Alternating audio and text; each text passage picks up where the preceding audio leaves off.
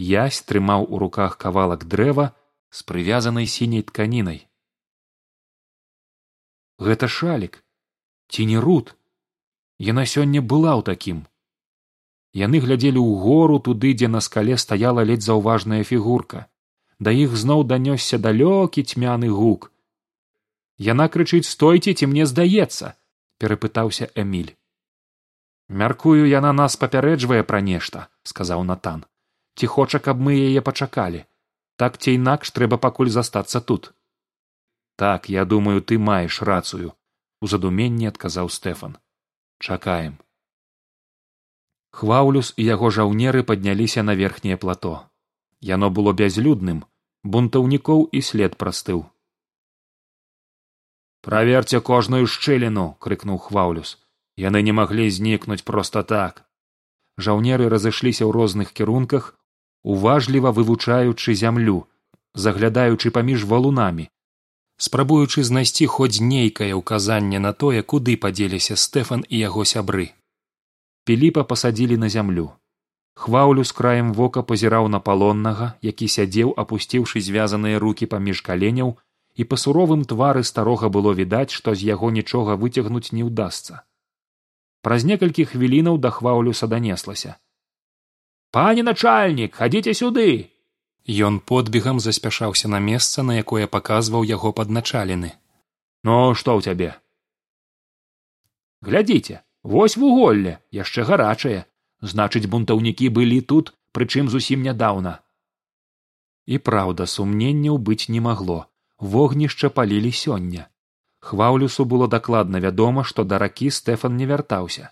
Значыць яны дзесьці блізка яны павінны быць тут. Ворагі маглі схавацца дзе заўгодна ў пячоры схове ці недзе яшчэ. Шукайце ўважліва загадаў хваўлюс і падышоўшы раструшчыў нагой гліняны кубак што стаяў ля вогнішча. Ён азірнуўся назад гледзячы туды дзе павінны быў сядзець піліп. Але там ужо было пуста. Палонны што моцы бег да сцежкі якая вяла назад. Хваўлюс раз'юшана загыркаў схапіўся за кінжал кінуўся на ўздагон. Калі ён нагнаў піліпа то не помнячы сябе ад злосці усадзіў кінжал яму ў бок. Рут урэшце спусцілася да падэшвы гары. Твар у яе быў спалоханы. Стойце стойце! Здавалася што яна зараз заплача. Рут што здарылася устрывожана запытаўся стэфан яна падбегла і дрыжачым голасам паведаміла. Тату арыштавалі як? Арыштавалі ўсіх забілі татавага сябра хто? Жаўнеры. Іх там некалькі дзесяткаў напалі зусім нечакана. Я ледзь вырвалася рут усё ніяк не магла аддыхацца ці то ад хуткага спуску са стромы ці то ад хвалявання. Пачакай пачакай давай усё па парадку паспрабаваў супакоіць яе эмиль з яе вачэй пацяклі слёзы. Я баюся што будзе з татам! Рот яны шукаюць менавіта нас сказаў стэфан. Твой тата цікавіць іх толькі як захоўнік. Больш дакладна іх можа цікавіць камень гіяцынт у ясе ўнутры ўсё пахаладзела. Дык што? Гіяцынт зараз у іх? І ён адразу сумеўся зразумеўшы як бессардэчна прагучала гэтае пытанне. Атрымлівалася што яго больш цікавіць камень чым лёс піліпа і пастухоў. Камень у мяне адказала рут. Як у цябе аж падскочыў гіман ён не можа быць у цябе! Твой жа бацька захоўнік! Кіньце вы з гэтым каменем умяшаўся эмиль прысядзь рут распавядзі што здарылася дзяўчына расказала пра ўсё што адбылося на плато. Дык ты кажаш што іх начальнік быў мажны з вострай бародкай і шмат крычаў удакладніў напрыканцы стэфан. Так. Усё зразумела. Гэта хваўлюс вядомая асоба.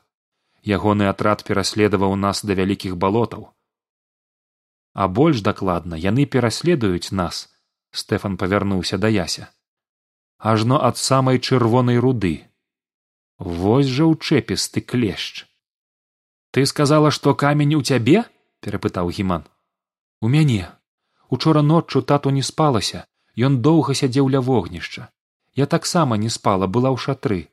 Я чула як некалькі разоў ён цяжка ўздыхаў а потым паклікаў мяне і сказаў што ў яго няма болей сілаў быць захоўнікам. І ён вырашыў перадаць гіяцынт мне. Фелікс з недаверам паглядзеў на руд ты нічога не блытаеш ніхто ніколі не перадаваў камянёў сваім дзецям інакш як у спадчыну. Ці ў крайнім выпадку будучы пры смерці. Твой жа бацька учора быў цалкам здаровы. Я нічога не блытаю. Вы што хочаце сказаць што я сама забрала камень у таты і збегла ускіпела руд асабіста мяне не здзіўляе гэтае яго рашэнне паспрабаваў перапыніць спрэчку эміль піліп страціў веру таму і сышоў у горы. Думаю мы мусім прыняць гэта. Але ці дастаткова было проста перадаць камень свайму дзіцяці? Ці перадалася табе сіла захоўніка? Звярнуўся ён да руд такога яшчэ не было каб пры жывым бацьку камень перайшоў сыну. Чацвёрты захоўнік запнуўся. Прабач нават не сыну. Паспрабаваў ён паправіцца але выйшла яшчэ горш. То бок я хацеў сказаць эміль перапыніў яго натан ты задаеш пытанні на якія ніхто з нас не можа даць адказу. Якая сіла? Як ты яе сабе ўяўляеш? Ну не ведаю проста сіла сіла захоўніка. Вось бачыш тут мы нічога не можам сказаць. Ніякіх такіх асаблівых сілаў у захоўнікаў не было. Гэта звычайныя людзі калі верыць таму што было запісана ў летапісах і што мы бачылі на ўласныя вочы ахваўлюс ці гэта не той якога выгналі з асабістай аховы вормара удакладніў эміль. Ён ён стэфан кіўнуў. У яго цяпер банда галаварэзаў якую яны называюць спецыяльным атрадам сябра вормара. Відаць хоча выслужыцца таму і палюе за намі але як яны маглі напасці на нас запыталася руд адкуль яны ведалі? Павісла паўза і раптам стэфан сказаў адказ тут можа быць толькі адзін ён помаўчаў сярод нас ёсць здраднік яго словы прагучалі як гром з яснага неба. Як здраднік прагаварыў натан разгубленым голасам. Звычайны здраднік і пакуль мы яго не раскрылі мы не можам прымаць ніякіх рашэнняў. Хто ж тады ён а вось гэта нам трэба высветліць. І зараз мы тое зробім. Але чаму ты так упэўнены? сказаў эміль. А вы хіба не бачыце? запытаўся стэфан але астатнія агаломшана маўчалі. Добра патлумачу. Доказ нумар адзін. Хтосьці напісаў ліст з лагера пра тое што там адбылося. Стэфан выцягнуў з унутранай кішэні ліст перахоплены патрыкам той хто гэта напісаў не быў ні жаўнерам ахоўнікам ні сярод кіраўніцтва лагера. Іх адразу ўзялі пад варту. Аўтар быў на свабодзе. Доказ нумар два. Тое пра што казала рут напад на піліпа групы хваўлюса хтосьці перадаваў ім інфармацыю пра наш маршрут. Таму улічваючы тое што зараз мы павінны дэталёва абмеркаваць план нашых дзеянняў для нас будзе самагубствам калі мы не выкраем шпега. Думаю калі б тут і быў здраднік наўрад ці ён прызнаўся б ва ўсім сказаў фелікс. А я перакананы што ён выдасць сябе сам. Прынамсі я гатовы даць яму такі шанец. Прызнаецца мы захаваем яму жыццё. Калі ж не прызнаецца то яго чакае незайздросны лёс. І стэфан вынуў з похвы меч дык як мы яго прымусім прызнацца запытаўся натан. Усё вельмі проста. Гэты ліст шосты захоўнік узняў аркуш напісаны рукой здрадніка. Зараз я папрашу кожнага напісаць гэты ж самы тэкст. І як бы ты шпег не мяняў свой почерк стэфан бліснуў вачыма. Пісаў левай рукой замест правай ці нешта яшчэ. Я з лёгкасцю вылечу цябе ужо ў чым а ў почырках я разбіраюся. Ну як здраднік пакажаш сябе? Давай пакуль не позна. Над групай павісла цяжкое маўчанне. Што ж ты сам выбраў сказаў стэфан. Ён дастаў са свайго заплечніка паперу і закручаны ў абрэзак матэрыі завостраны графіт заціснуты паміж дзвюх драўляных трэсак ды перавязаны матузком. Хто гатовы першым я гатовы адказаў язь стэфан падышоў і паклаў аркуш перад ім выбачай але цябе мы таксама мусім праверыць нічога як тут пазбегнуць падазрэнняў калі кажаш што ты з'явіўся невядома адкуль аджартаваўся язь беручы аловак у руки пачакай стэфан зноў паглядзеў на спадарожнікаў. Даю апошні шанец прызнацца і захаваць сабе жыццё. Лічу да трох раз. Два. Стой! Гэта я. Усе павярнуліся ў бок таго хто прамовіў гэтыя словы. На галоўнай плошчы вертагарда сабраўся вялікі натоўп. Усе чакалі выступу каліда які мусіў зачытаць новы ўказ уладара эферыі людзі перашэптваліся абмяркоўваючы што можа прынесці вормараўскі загад. Па ўсім выглядала што нічога добрага пазаўчора вечарам па сталіцы прайшла хваля арыштаў і насельнікі горада з трывогай разважалі што ж будзе далей да былой ратушы якую пасля прыходу да ўлады вормара перайменавалі ў дом перамогі пад'ехалі тры шыкоўныя чорныя кареты сярэдняй выйшаў калід разам з некалькімі ахоўнікамі і паспешліва знік у дзвярах будынка. Ён таропка падняўся на некалькі паверхаў і выйшаў на балкон, з якога адкрываўся від на плошчу. Затым разгарнуў скрутак і пракрычаў: Указ сябра вормара пра рашучы адпор здраднікам.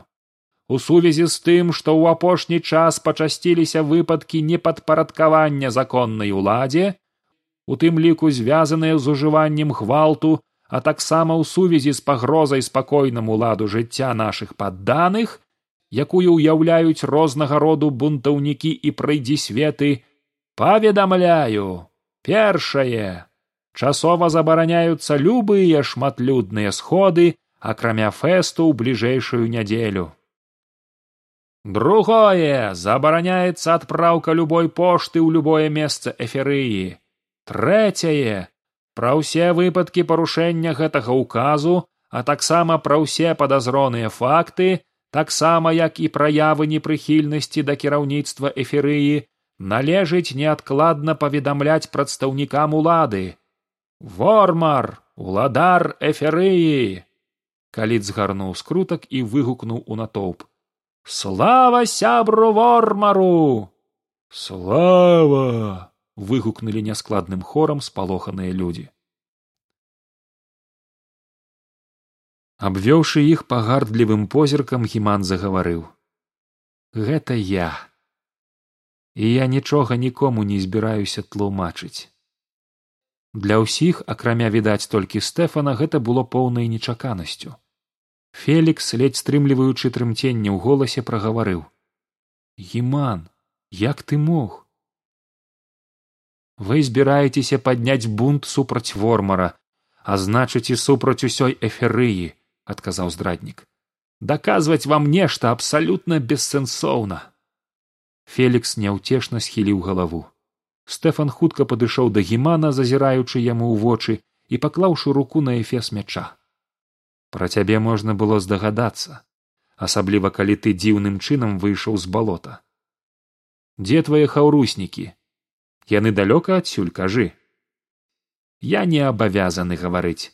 Такой дамовы не было але калі вы хочаце ведаць яны далёка толькі гэта вас не павінна ўзрадаваць. Яны зараз скачуць на конях у вертагард каб паведаміць пра ўсё сябру вормару падняць усё войска і знішчыць вашую бунтаўніцкую заразу. Шосты выцягнуў меч і прыставіў клінок да горла гімана. Стэфан зрабіў крок да яго фелікс мы абяцалі і мусім стрымаць слова так падтрымаў фелікса эмиль ты даў слова калі мы будзем хлусіць мы будзем такімі ж як яны. Стэфан павольна апусціў меч. Дарма я паабяцаў захаваць яму жыццё ён наблізіў свой твар да твару здрадніка такія як ён яны ж і не жывуць зусім адно што псуюць паветра і навошта была гэтая прапанова прызнацца самому запытаўся фелікс ці не лепш было адразу праверыць почырк кожнага і не абцяжарваць сябе абяцаннямі якія зараз хочацца парушыць? Парушаць не буду адступіўся стэфан. А прапанова была таму што я калі шчыра ў почырках не вельмі разбіраюся. І калі б мы не знайшлі здрадніка у нас было б шмат праблем. Гіман скаўтнуў і спрабуючы выявіць на твары нешта накшталт зласлівай усмешкі прасіпеў. Вам ужо мала засталося усё скончыцца раней чым ты думаеш. Стэфан адвярнуўся ад яго і сказаў звяжыце яго. Адвядзіце прывяжыце да дрэва дзесьці далей каб ён не чуў нашай размовы. І мы абмяркуем маршрут загад быў выкананы. Натан з эмілем адвялі здрадніка далей у лес ды моцна прывязалі вяроўкай да камля высокага дрэва. Калі яны вярнуліся стэфан паведаміў пра далейшы шлях. Браты цяпер мы можам гаварыць свабодна Я падазраваў, што сярод нас ёсць здраднік, таму і не спяшаўся казаць пра тое месца, куды мы мусім прыйсці яшчэ перад сталіцай. Ён абвёў поглядам прысутных. Зараз мы кіруемся да пятага захоўніка ў яго дом. Паведамленне агаломшыла астатніх. Але ж амоса забілі падчас той сустрэчы ў замку, ускрыкнуў натан. Я сам гэта бачыў на ўласныя вочы. Забілі і ягоны крышталь зараз у храме камянёў гэта ўсім вядома. Гэта праўда. А моз загінуў адказаў стэфан. Як праўда і тое што мястэчка у якім ён жыў праз некалькі дзён пасля таго было захопленае і падпаленае жаўнерамі вормара. Пажар знішчыў тады дом амоса і як усе думалі ягоную сям'ю. Гэта не так? з надзеяй у голасе запытаў натан. Не так яго сям'я жонка з сынам і дачкой схаваліся тады ў лесе. Сыну марціну было тры гады. Значыць зараз яму двадцать сем сказаў фелікс. Менавіта. І ён паводле спадчыны пяты захоўнік. Ён жыве ля самай сталіцы на пясчаным хутары. І менавіта ён друкуе гэтыя брашуры. Стэфан дастаў з заплечніка веснік эферыі той які колькі дзён таму чытаў язь гэтыя ды яшчэ шмат чаго іншага. Вось дык штука здзівіўся эміль. А мы надрукуем у яго адозву да жыхароў вертагарда працягнуў стэфан. Але для чаго нам гэтая адозва? запытаў эміль. Ці не больш разумна было б арганізаваць усё цішком без лішняга шуму?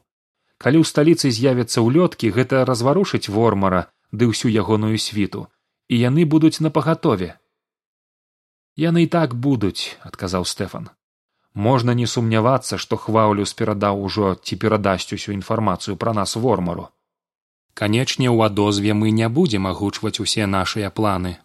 Але нам важна каб не толькі ворагі але і звычайныя людзі ведалі што ў краіне нешта адбываецца і каб яны былі гатовыя нас падтрымаць і ад чыйго імя ты прапануеш зрабіць гэты зварот запытаў фелікс нам важна паказаць эферыйцам што ёсць людзі захоўнікі якія ўзялі на сябе адказнасць.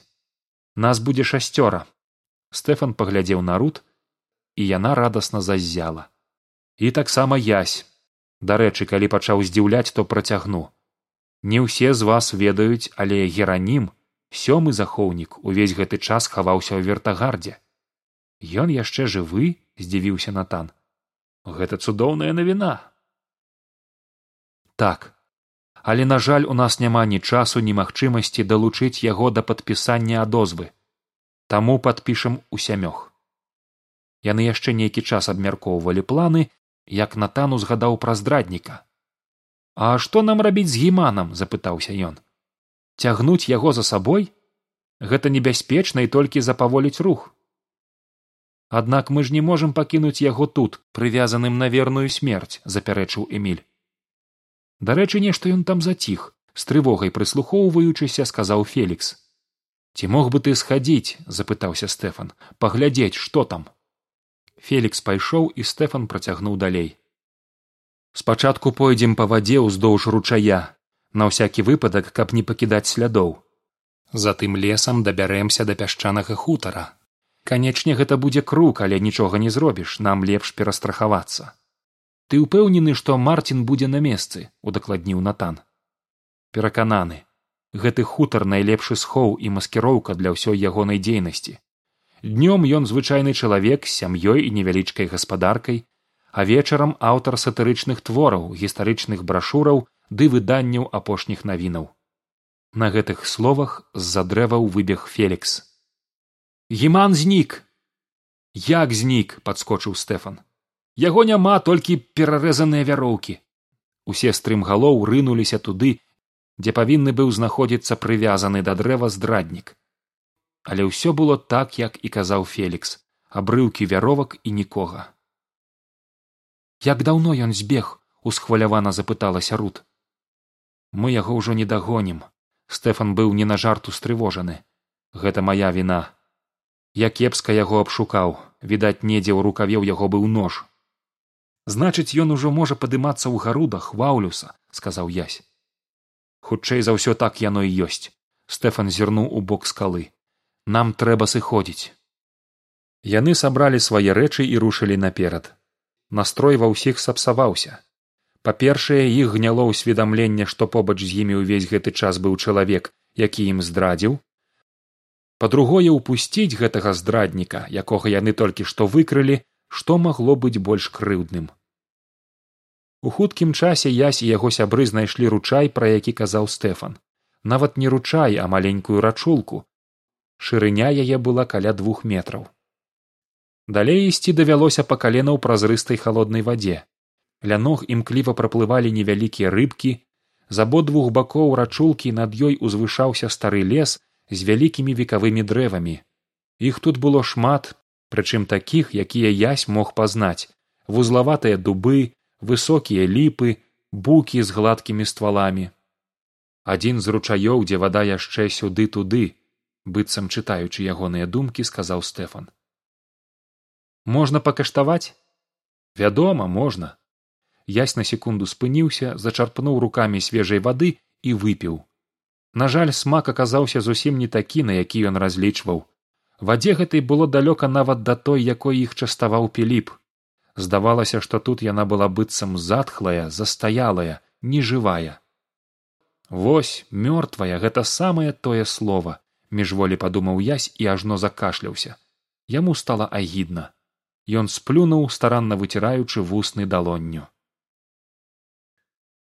Хваўлюс злосна глядзеў на сваіх падначаленых якія разбрыліся па ўсім плато пошукі сховішча пакуль не далі ніякіх вынікаў Ён нервова пахадзіў узад уперад, затым паклікаў аднаго з жаўнераў, паказаў на піліпа, які ляжаў на зямлі цяжка дыхаючы з перавязаным акрываўленым бокам.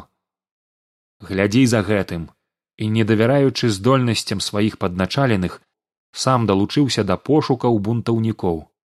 Ён шукаў нешта кшталту пячоры, дзе маглі б схавацца стэфан са сваімі памагатымі, але на вялікае яго расчараванне нічога падобнага тут не было.